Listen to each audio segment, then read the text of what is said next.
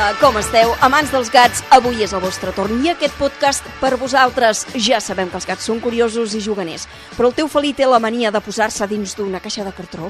O quan li ve de gust es frega amb les teves cames? Per què ho fa això? Pot haver-hi més d'un motiu en moltes conductes felines. Estrès, marcatge o fins i tot un problema físic. No et quedis amb el dubte. El podcast d'avui està dedicat a coses estranyes que fan els gats. Ens hi posem de quatre potes. RAC més i Wow Cat us ofereixen Animals de companyia amb Bàrbara Julve, un podcast per una relació saludable amb els vostres animals. Ha la creença que si un gat vomita és normal. Doncs avui ens traslladarem a la Clínica Felina Barcelona perquè el director mèdic del centre, Salvador Cervantes, ens ho desmentirà. No ho és, alguna cosa li passa. També ens explicarà per què ploren a la nit els felins. A l'alternativa estarà amb nosaltres Núria Santa Maria de la Fundació Trifolium, que és una experta en teràpia craniosacra, sí, la que escolta el ritme del cos, que quan hi ha problemes físics o emocionals es veu alterat. I al Va d'Animals tindrem avui l'actriu Àngels Bassas, que ens presentarà la negreta, la seva gateta, que s'emporta tant a l'Empordà com a Barcelona. I avui no hi faltarà el gran protagonista, l'oient, amb la seva consulta, la consulta de l'oient. Oient! Hola, Bàrbara? Ei, qui ets? Bàrbara, és que jo també sóc oient, puc participar? Aquesta veu, aquesta veu, me sona aquesta veu, qui ets tu? Sóc el Xavier Pérez Esquerdo de la primera hora de RAC 105. Xavier, i tant! Quina alegria tenir-te al podcast. Escolta, més alegria la meva, que toques temes de gats, que ja saps que jo en tinc dos, la Dolça i el MacGyver. Ai, sí, gats, és que feia dies que no podíem parlar de gats i aquest podcast toca gats. Oh, fantàstic, perquè mira, jo tinc un problema, a veure si me'l podríeu resoldre en aquest fantàstic podcast, que és que eh, quan marxo els caps de setmana amb la família i tal, i tornem el diumenge, sempre em trobo un regalet, que de fet no sé mai si és de la dolça o el MacGyver. Em trobo una caqueta al sofà, un pipí fora de lloc i tal, i no sé si també és el mateix que la meva filla petita, que té 13 anys, clar, que també els hi donem responsabilitats, doncs és l'encarregada de fer el sorral. I quan s'oblida, el segon o tercer dia de fer el sorral, doncs també em trobo una caqueta i un pipí fora de lloc. Per què passa això? Pipí caca fora de la safata, una cosa ben estranya que fan els gats. Si et sembla, li traslladem la pregunta a la Marta Mat, investigadora de la i etòloga. A veure què ens diu. Ah, fantàstic, gràcies, Bàrbara. Fins ara. Meu!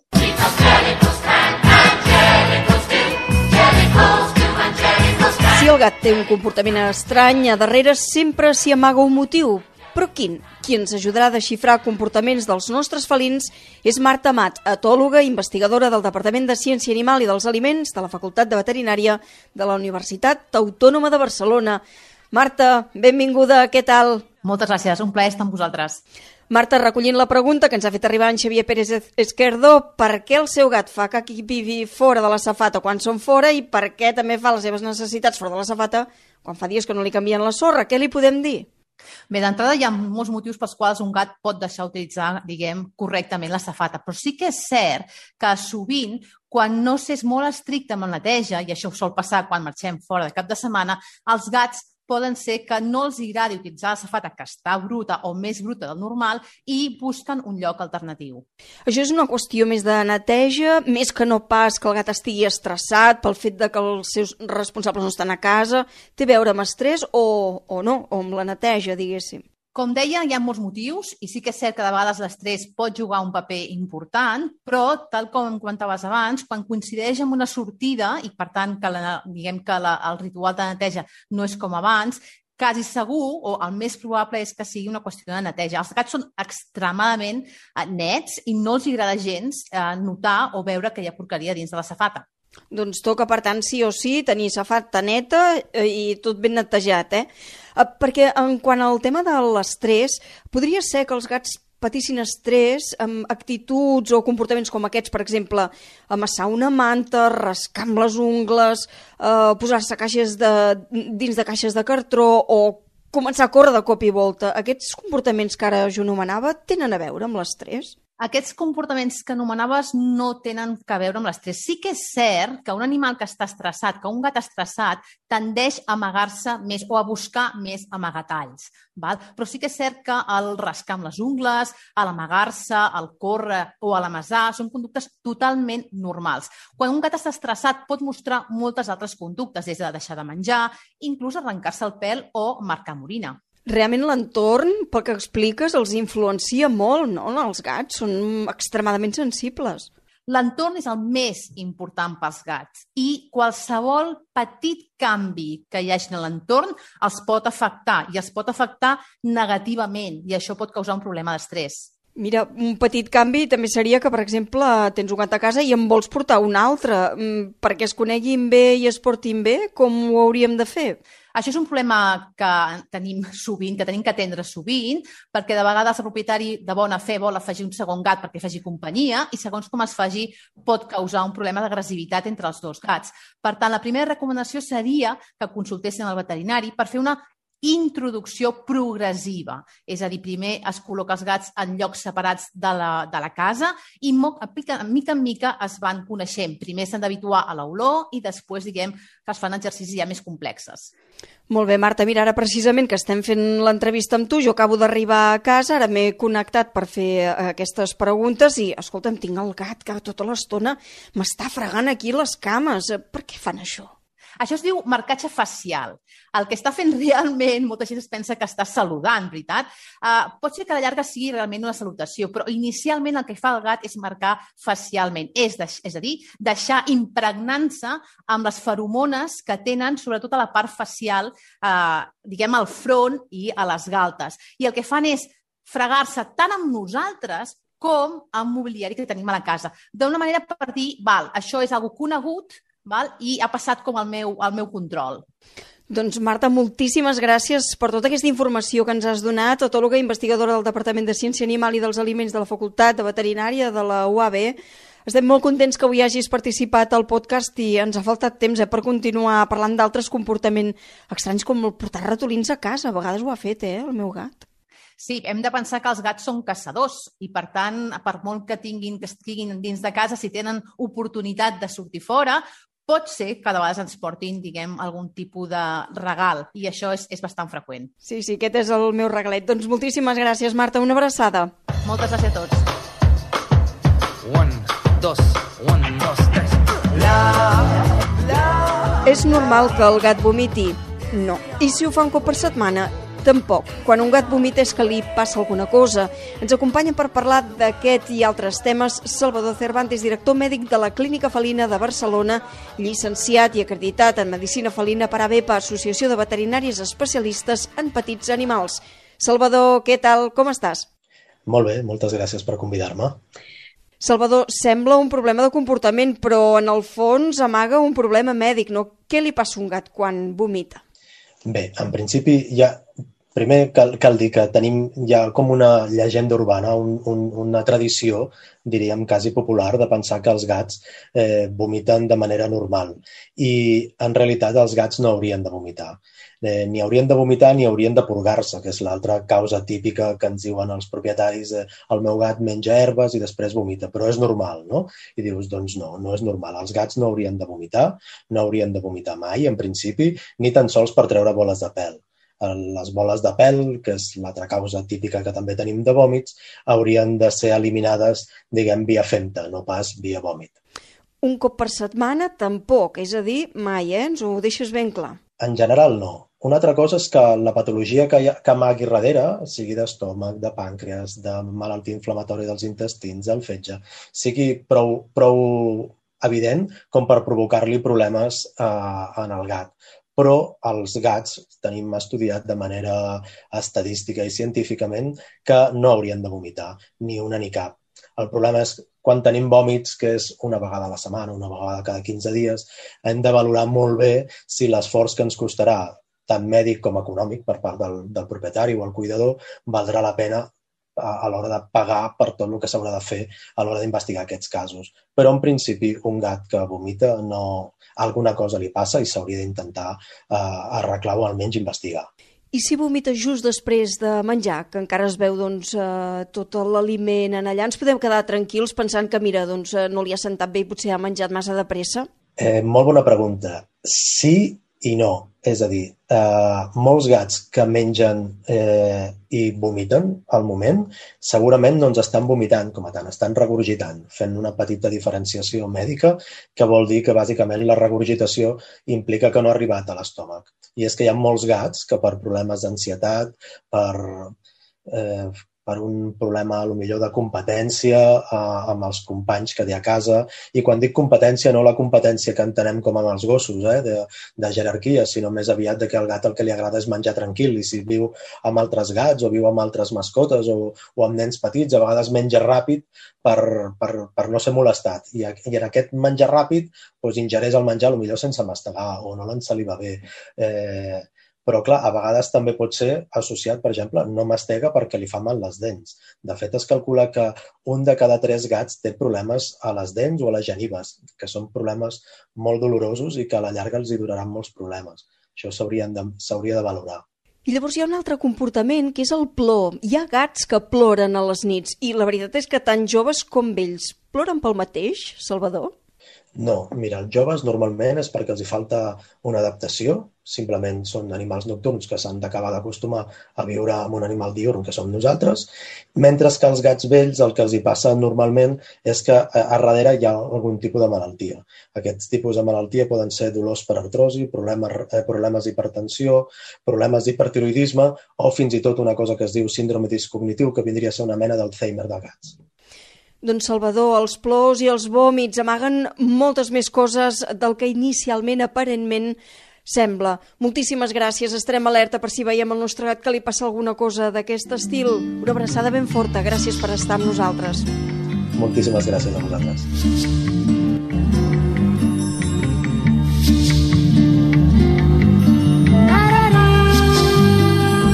Sistema nerviós, respiratori, vascular, endocrí, muscular, esquelètic, en totes aquestes àrees incideix la teràpia craniosacral. Aplicada en animals els ajuda a restablir l'equilibri i acabar amb alguns problemes. Quins? En té tots els detalls Núria Santa Maria, directora de comunicació de la Fundació Trifolium. Núria, benvinguda, gràcies per estar entre nosaltres. Hola, Bàrbara, moltes gràcies a vosaltres per convidar-me. Núria, la teràpia craniosacral va bé per gats? I tant, va molt bé per gats. A veure, la teràpia craniosacral es pot aplicar a qualsevol animal vertebrat, eh, incloent els humans, els gats, els gossos, els cavalls, però especialment en gats és, és eficaç perquè és una teràpia no invasiva, molt suau, senzillament es tracta de posar les mans a sobre l'animal i normalment ho toleren bastant bé i quan estan mal malaltets encara més. És a dir, el terapeuta posa les mans en l'animal i què nota? A veure, eh, el, aquesta teràpia està basada en el sistema craniosacre que emet un, unes pulsacions. Eh, el que és el líquid cefalorraquidi que circula per dintre de les, eh, de les meninges i el sistema craniosacral eh, té un ritme eh, peculiar. No? Llavors, el que tu busques és aquell ritme eh, fisiològic i llavors, si en algun moment hi ha alguna malaltia o una obstrucció o un bloqueig o una adherència, tu detectes un canvi en aquest moviment. I llavors, llavors és quan apliques la, la teràpia. S'aplica la teràpia i com es torna a restablir aquest ritme?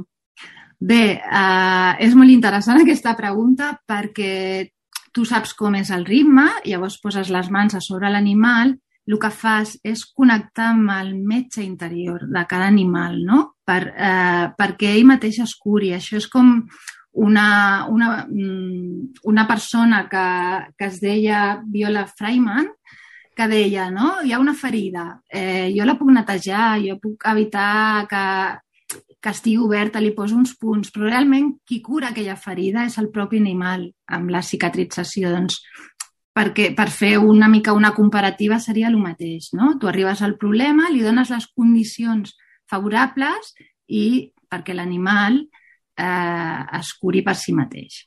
I després d'una sessió, com se sent l'animal? M'imagino que deu estar molt relaxat. Sí, a veure, es nota molt, eh? Quan fas teràpia craniosacral amb un animal, ja sigui un gat o un gos, eh, els efectes es veuen quasi més ràpids que en persones, no? Normalment el que notes és, quan tens les mans posades en l'animal, és un, gra, un gran sospiro, no? No sé com, com es diu en català, sospiro, no? Però... I com un alleujament, eh? Un gran sospir sí, interior. Sí, una relaxació, perquè el que fas és alliberar tensions també que es produeixen, no? que s'acumulen i, i llavors notes. I la, moltes vegades la mirada de l'animal, no? d'agraïment, et mira d'una manera que dius aquesta vegada sí que ha fet efecte. No? El refugi Canòpolis, que teniu al Parc Natural del Garraf, en allà hi ha bastants gats. Els hi apliqueu la teràpia craniosacral? Sí, sí, tenim uns 50 gats a un lloc que li diem Felípolis, que és un mini refugi dintre de, del refugi gran de gossos i sí, apliquem teràpia sobretot a patologies que tenen més, més sovint, que són insuficiències renals, algun problema de mobilitat, problemes que tenen típics de la bellesa, no? perquè és veritat que en tenim molts de, de grans. Molt bé, doncs Núria Santa Maria, directora de comunicació de la Fundació Trifolium, gràcies per explicar-nos més coses sobre aquesta teràpia, la craniosacral, tan subtil i alhora que va tan al fons, tan a l'arrel del problema. Moltíssimes gràcies. Gràcies a tu, Bàrbara.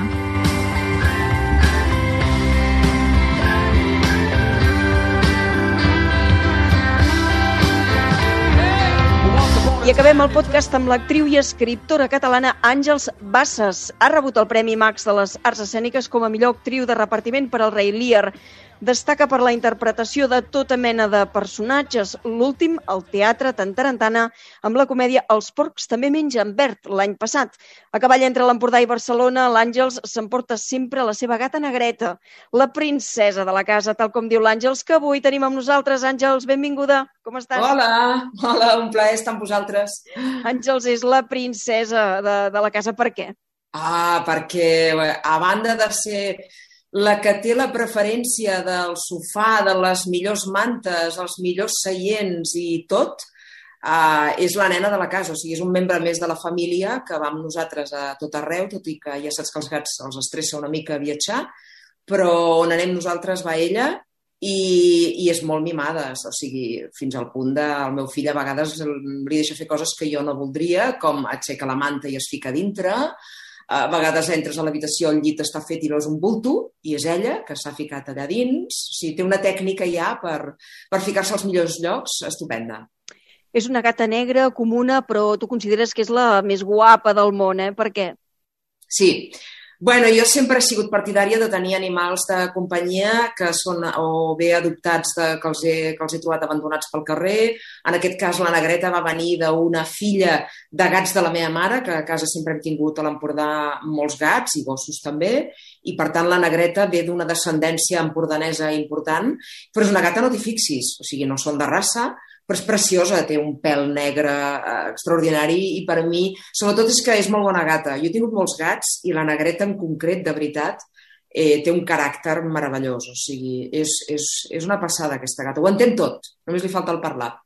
Has tingut molts gats, eh, també gossos. Algun gos va marcar especialment la teva vida? Sí, en Blacky. Encara em costa parlar-ne perquè va ser un gos abandonat. El vaig recollir a la carretera just un dia quan tornava de l'Empordà cap a Barcelona jo era bastant joveneta, vull dir, t'estic parlant, aquest gos ja... Quan va néixer el Martí, pues, mira, el vam haver de sacrificar al cap d'un parell o tres, o tres d'anys. Va estar amb nosaltres molts anys, es va morir de, de leishmània i va ser un cop molt dur haver-lo de, haver de... És l'única vegada a la meva vida que he hagut de decidir sacrificar una bèstia i és un gos que va ser molt feliç amb nosaltres en llibertat eh, perquè, ja et dic, el, va, el vaig recollir, era el típic gos, mira, també negre, curiós, uh, raça no t'hi fixis d'aquests uh, que són una mica caçadors, però barreja, i, i va ser un gos que això, que ens el vam estimar moltíssim, moltíssim, moltíssim. Jo vaig tenir un disgust molt gran quan ja, quan ja se'n va anar. Sí, disgustos, eh, que costa a vegades de pair perquè es fan estimar molt eh, els animals. Àngels, a quin llibre o pel·lícula ens recomanes on els animals siguin els protagonistes i que t'hagi agradat?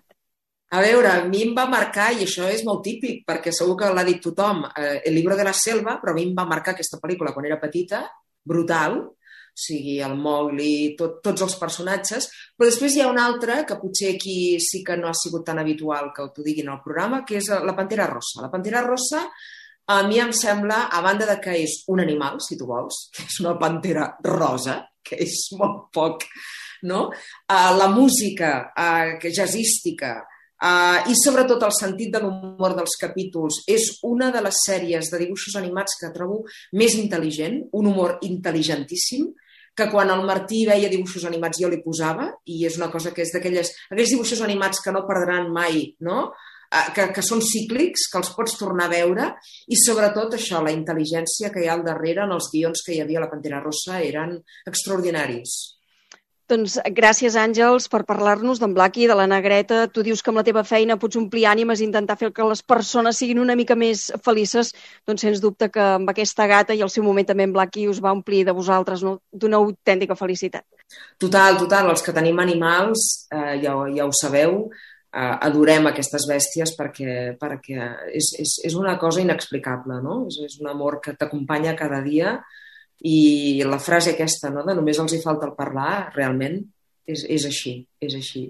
Moltíssimes gràcies, Àngels. Una abraçada. Una abraçada forta a tots. Cuideu-vos.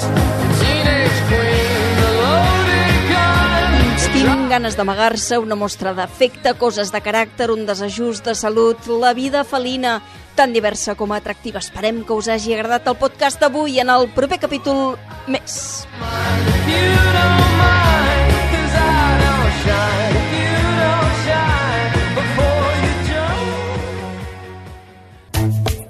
RAC més i Wow en Cat us ofereixen Animals de companyia amb Bàrbara Julve, un podcast per una relació saludable amb els vostres animals. T'imagines menjar sempre el mateix? Wow Cat és un concepte nou d'alimentació per a gossos i gats dissenyat per veterinaris i biòlegs. Cuinem perquè els nostres peluts mengin cada dia un plat diferent. Carn, peix, fruita, verdures... Al·lucinaràs com els hi agrada. Visita'ns a wowandcat.com i descobreix el real food dels guaus i els cats.